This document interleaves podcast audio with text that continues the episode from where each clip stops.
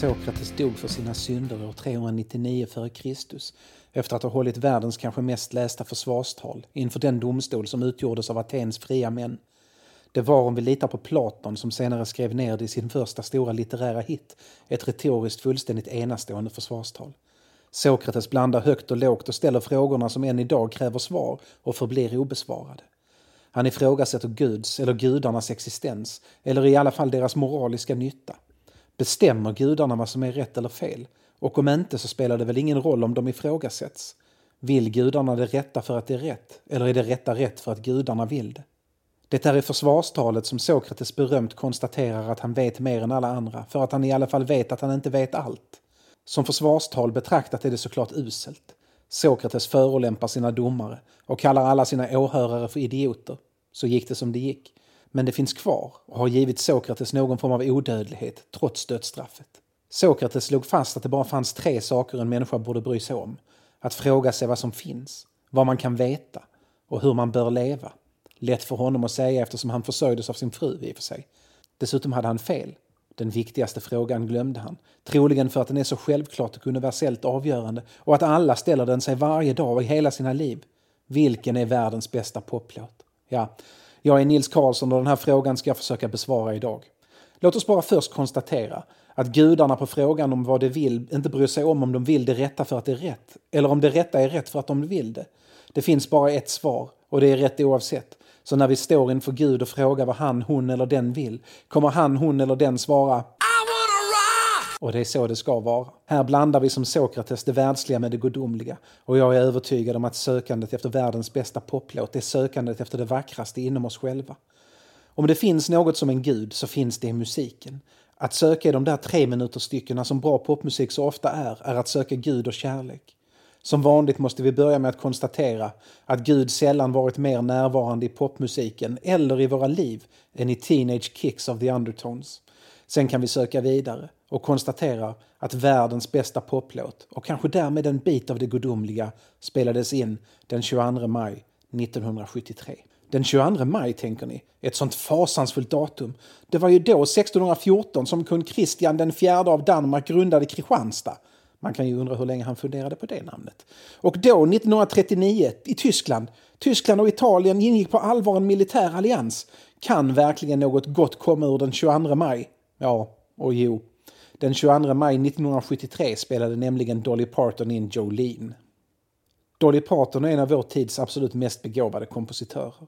Hon blir på vår sidan Atlanten ofta förbisedd när de stora listas. Delvis beroende på att hon slog igenom som låtskrivare i countrymusiken. Det finns få musikgenrer som är mer typiska för Amerika än countrymusiken. Skulle möjligen vara hiphop då, eller soul, eller the Velvet Underground. Men dessa tre har rotat sig i Europa på ett annat sätt än countrymusiken. Så medan vi mycket väl kan vara benägna, med all rätt, att slänga upp Dr Dre eller Stevie Wonder eller Lou Reed på listan över de bästa popkompositörerna så reagerar vi på countrymusiken med alldeles för stor likgiltighet.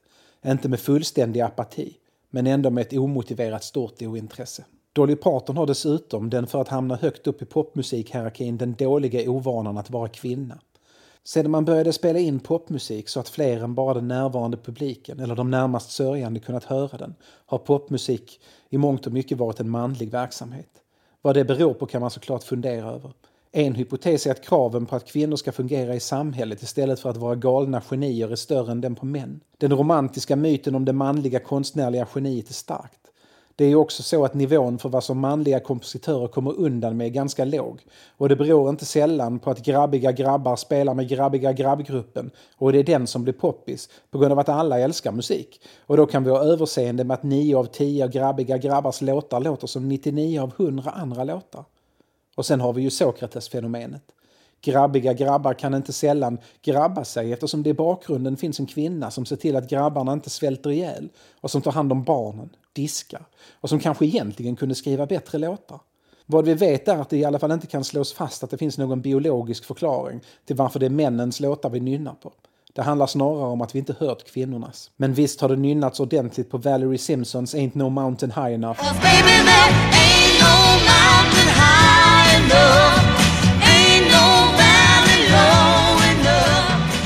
Inte har vi väl kunnat undgå att lockas följa kaninen i Grace Slicks White Rabbit.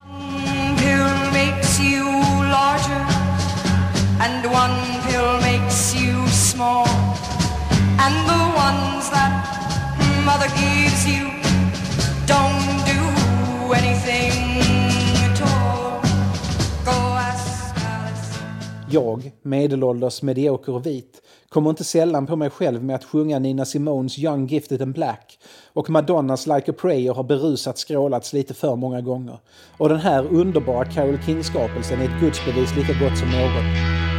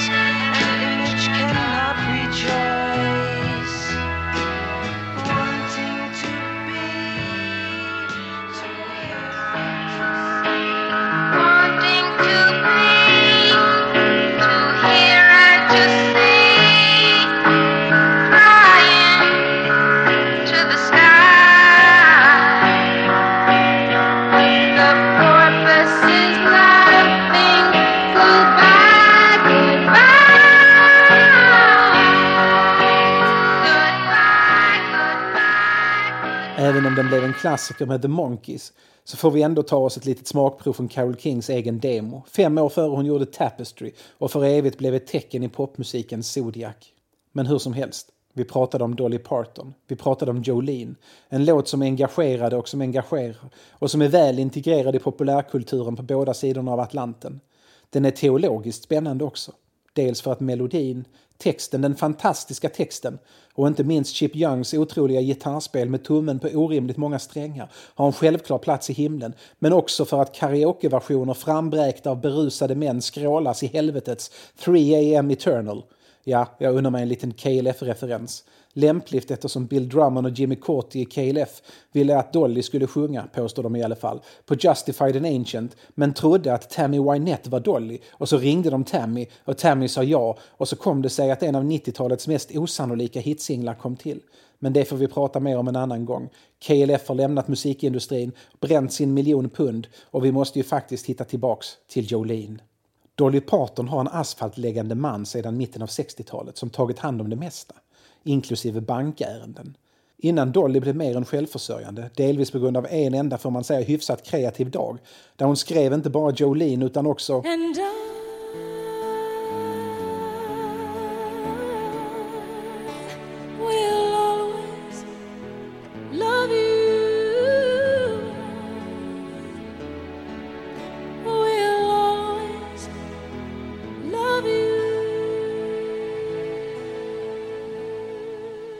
tog maken Carl Thomas Dean hand om ekonomi och markservice och gav Dolly tid att utvecklas precis som otaliga begåvade eller mediokra män tillåtits utvecklas. Och ta mig satan om jag inte måste ta ett litet sidospår till om något som inte är Jolene utan om den där andra låten som Parton skrev samma dag, I will always love you, som inte skrevs till en osedvanligt träig Kevin Costner i den kvalitetsmässigt utmanade Bodyguard utan till Dollys mentor Porter Wagner som sett till att hon hamnade på tv och som spelade in duetter med henne men som Dolly behövde lämna för att komma vidare i vad hon tänkte kunde bli en crossover-succé på de vanliga topplistorna.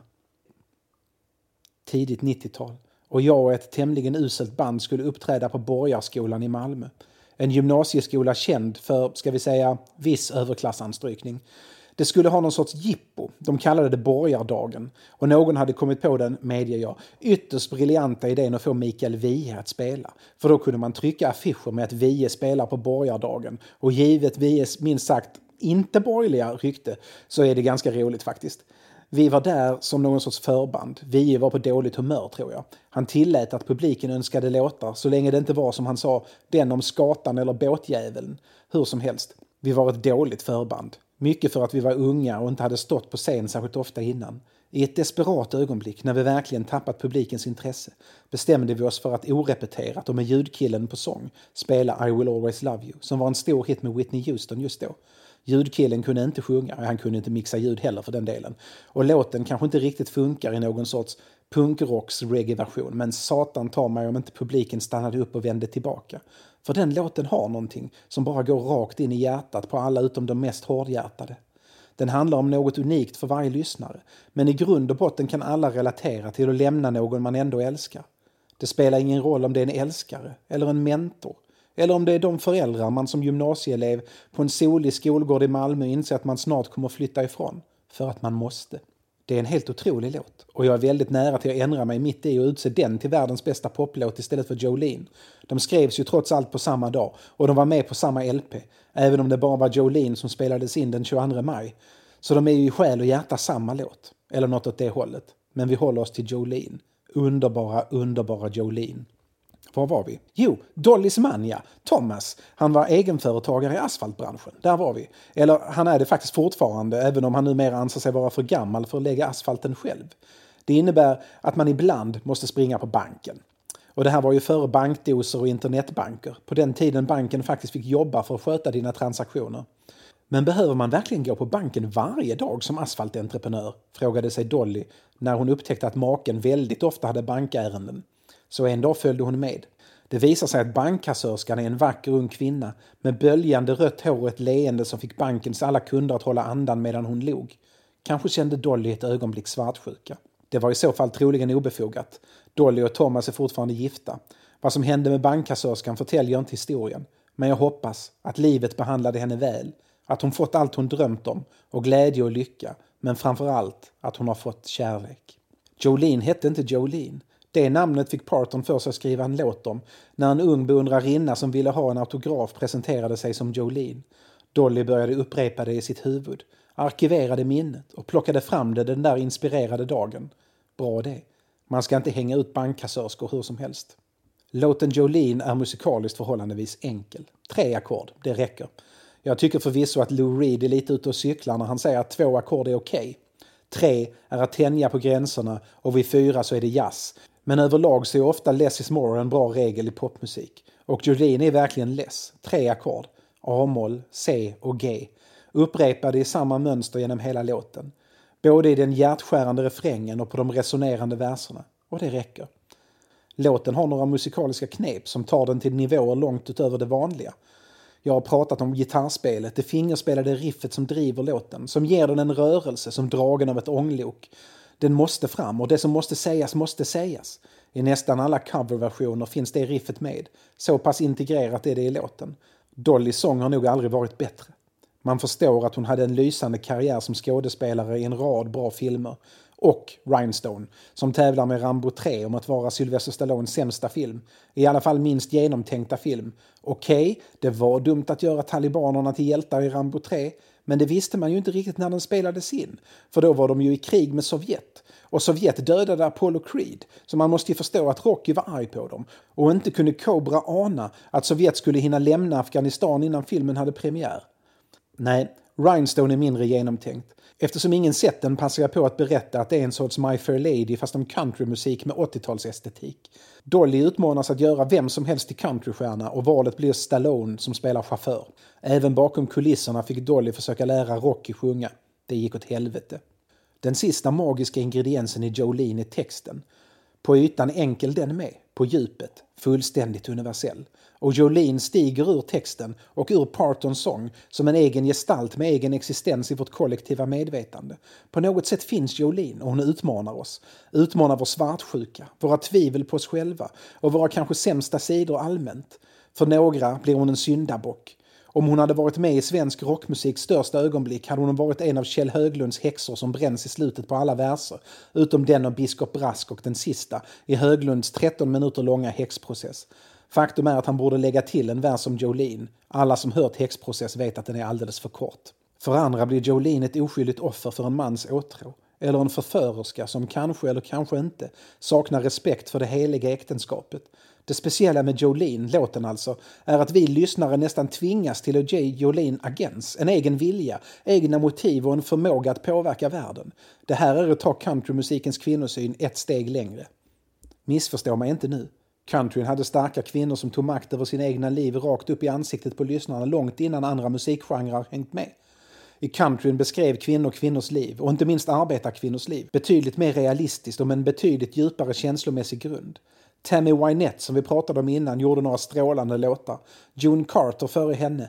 Även om countryn dominerades av män som inte sällan sjöng om svekfulla kvinnor. I George Jones närmast legendariska låt He Stopped Loving Her Today är kvinnan i centrum men inte ens närvarande. Hon är en död mans ofyllfyllda förhoppning.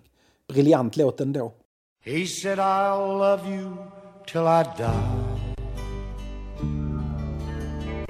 She told him you'll forget in time As the years went slowly by She still preyed upon his mind. He kept her picture on his wall. Went half crazy now and then. But he still loved her through it all.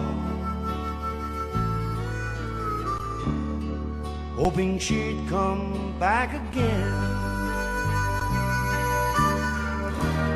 Kept some letters by his bed. It in 1962. he had underlined in red every single I love you. I went to see him just today.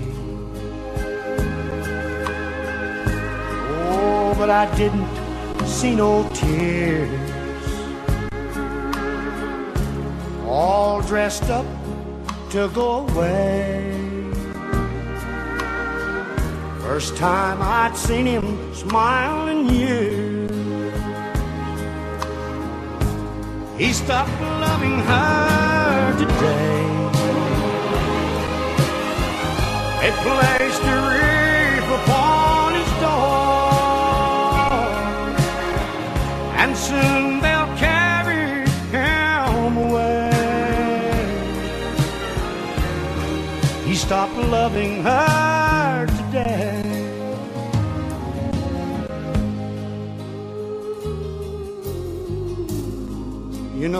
came to see him one last time. Oh, and we all wondered if she would.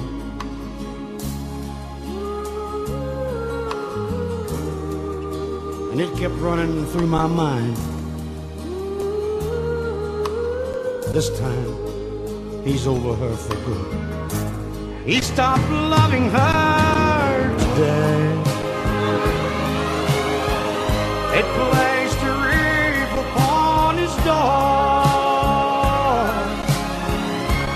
And they'll carry him away. He stopped loving her today. Country var liksom elände, död och skilsmässa. Det var konceptet. George Jones får in alla tre. Bra jobbat. En av mina favoriter är The Streets of Baltimore, där den stackars hårt arbetande mannen överger sin gård för att kunna erbjuda sin fru ett liv där det vackraste som finns, Baltimore på natten, omger henne. Men hon har ingen förståelse för att han är trött efter 12 timmar på fabriken som dumpar honom. Han reser hem medan hon, möjligen som prostituerad, vandrar på Baltimores gator.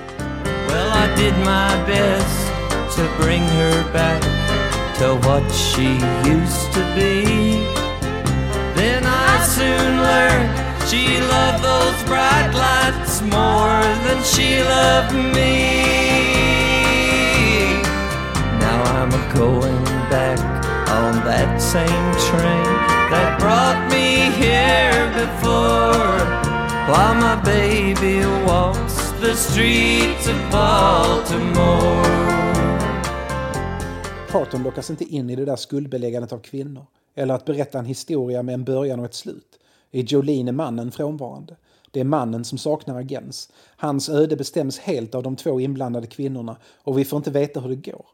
Vi börjar dessutom mitt i handlingen, in media res som vi pretentiösa säger. Parton, ja jag förstår att det är en fiktiv Parton vi pratar om, har sökt upp Jolene för att vädja till henne. Inte för att göra ner Jolene, tvärtom. Hon ber om systerskap. Det vi vet om Jolene är det vi hör om henne och inget annat. Vi hör bara Partons sida, vilket här blir till ett starkt litterärt grepp. Vi lyssnare får bygga vår egen Jolene och därför blir hon så verklig. Vi levandegör henne. Och eftersom Dolly sjunger direkt till oss så blir det vi lyssnare som ställs i Jolines skor. Jolines beslut tvingar oss. Tvingas på oss. Vi kan inte komma undan. Likt The Beatles tidiga låtar har Parton alltså ett direkt tilltal. Men den roll vi lyssnare tvingas spela är inte så enkel som den vars hand John Lennon vill hålla.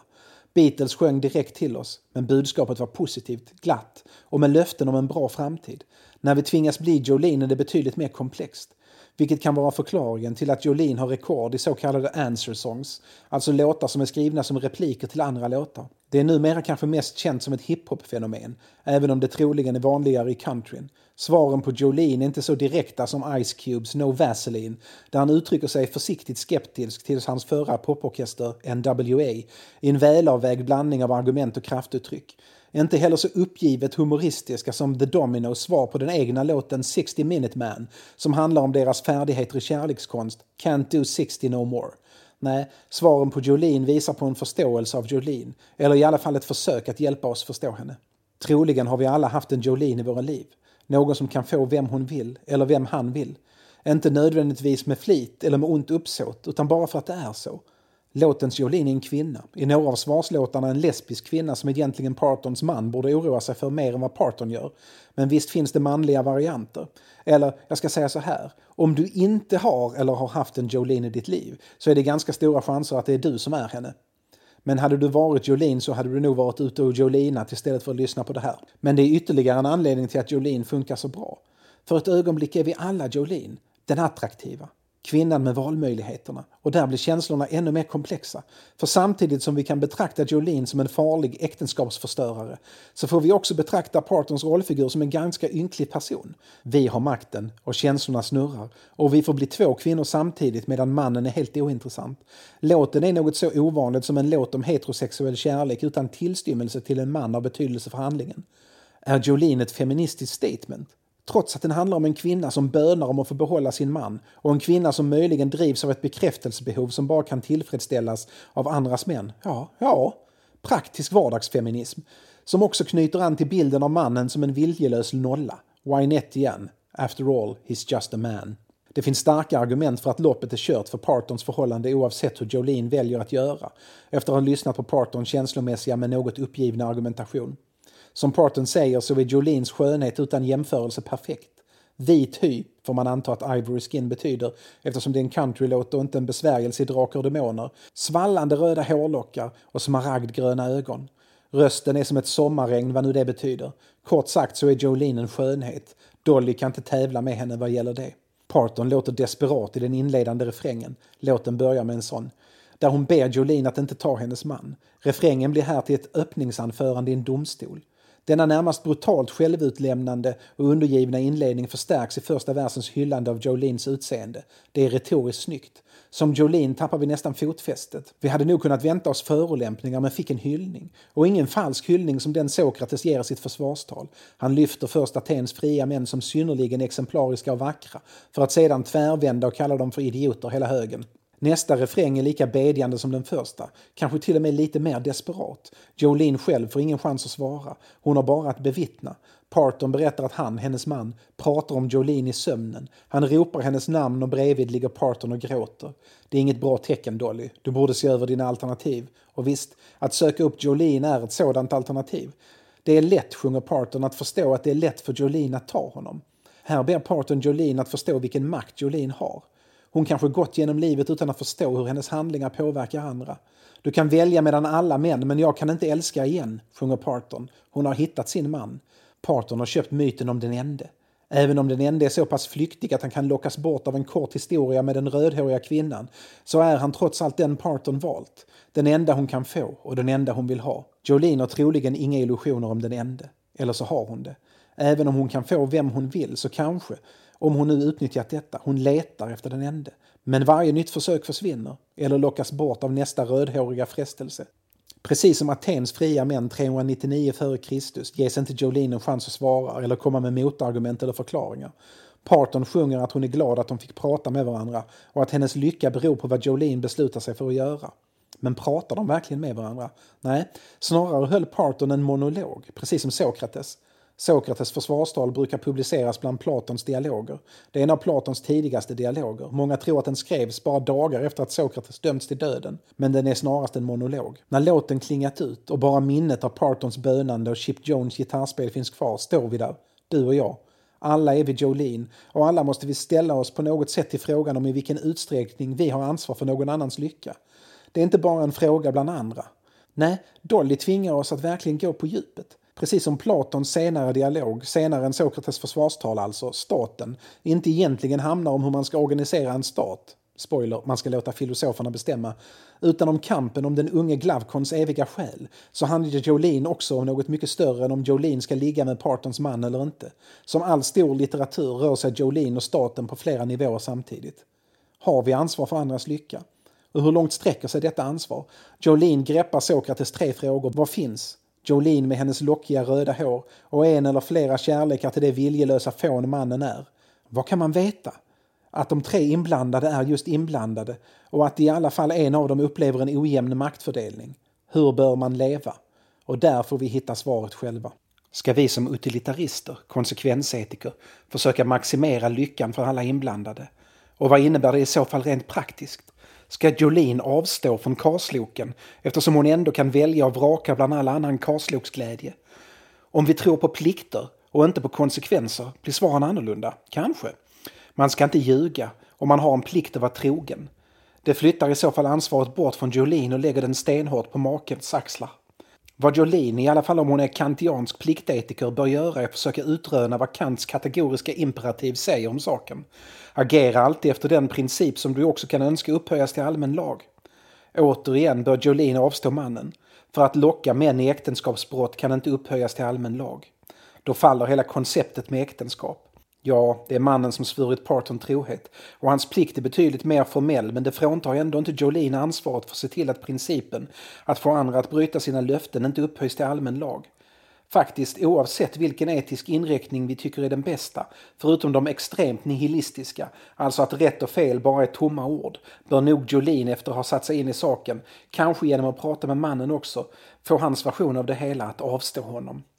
Om inte annat för att sångerskan verkar lite väl gränslös, kanske farlig, kanske beredd att koka en kanin eller två. Vi vet inte vad Jolene väljer, men det är inte det viktiga här. Parton får oss att ställa frågor som vi själva måste besvara. Lite som Sokrates barnmorskekonst. Vi får hjälp att föda fram sanningen, men den har hela tiden funnits inuti oss. Genom Jolene lär vi oss om oss själva. Det är svårt att jämföra konstverk. Bra konst är bra konst och ibland krävs det ett sammanhang för att kunna förstå storheten. Men både Jolene och Sokrates försvarstal är tidlösa, trots att de är barn av sina tider.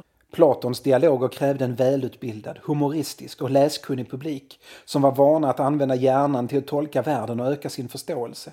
Dolly Parton talar mer till känslor och Jolene hade inte kunnat existera om inte countrymusiken närmat sig mainstream pop och rockmusik under de tio år som föregått den. Det är bara frågeställningen om hur man bör leva som är densamma. En podd som handlar om världens bästa poplåt måste ju ändå någonstans ta ställning och försöka avgöra konstnärliga kvaliteter. Så med frågan ställd på sin spets, vilken är bäst? Världens bästa poplåt Jolene eller Sokrates försvarstal av Platon? Båda verken är litterärt och retoriskt briljanta och båda lämnar oss skakade och förändrade på djupet. Det går inte att avgöra bara genom att ställa konstverken bredvid varandra. Vi måste titta på konsekvenserna. Sokrates höll sitt försvarstal inför knappt tusen fria atenska män som lyssnade och nickade och lät sig förstå vad Sokrates talade om. Det fick ifrågasätta sina tankar om Gud, rättvisa och demokrati och i slutändan kunde det, precis som Jolene, inte komma undan det beslut de måste fatta. De måste handla antingen rätt eller fel och rannsaka sig själva efter svaret på frågan om inte bara vad som är rätt och fel där och då utan också vad det ens innebär att något är rätt eller fel. De dömde Sokrates till döden. Försvarstalet var, som försvarstal betraktat, ett stort misslyckande. Vi vet inte hur Jolene agerar. Men vi vet att Dolly Parton fortfarande är gift med sin bankbesöksgillande och asfaltsläggande man. Och mer behöver vi egentligen inte veta. Jolene gör allt Sokrates försvarstal gör, fast framgångsrik och med Chip Jones gitarrspel. Det är oklart om Sokrates ens hade en gitarrist. Så i den eviga kampen mellan Parton och Platon så står det just nu 1-0 till Dolly och här är världens bästa poplåt. Varsågoda, Jolene.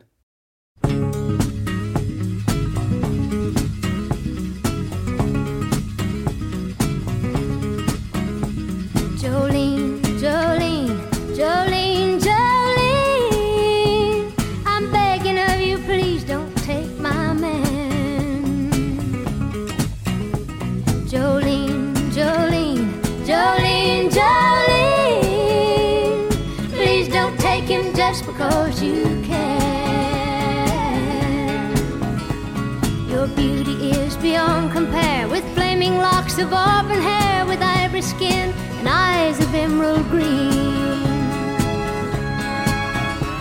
Your smile is like a breath of spring, your voice is soft like summer rain, and I cannot compete with you, Jolene. He talks about you in his sleep, and there's nothing I can do to keep from crying when he calls your name, Jolene. Can easily understand how you could easily take my man, but you don't know what he means to me, Jolene. Jolene, Jolene,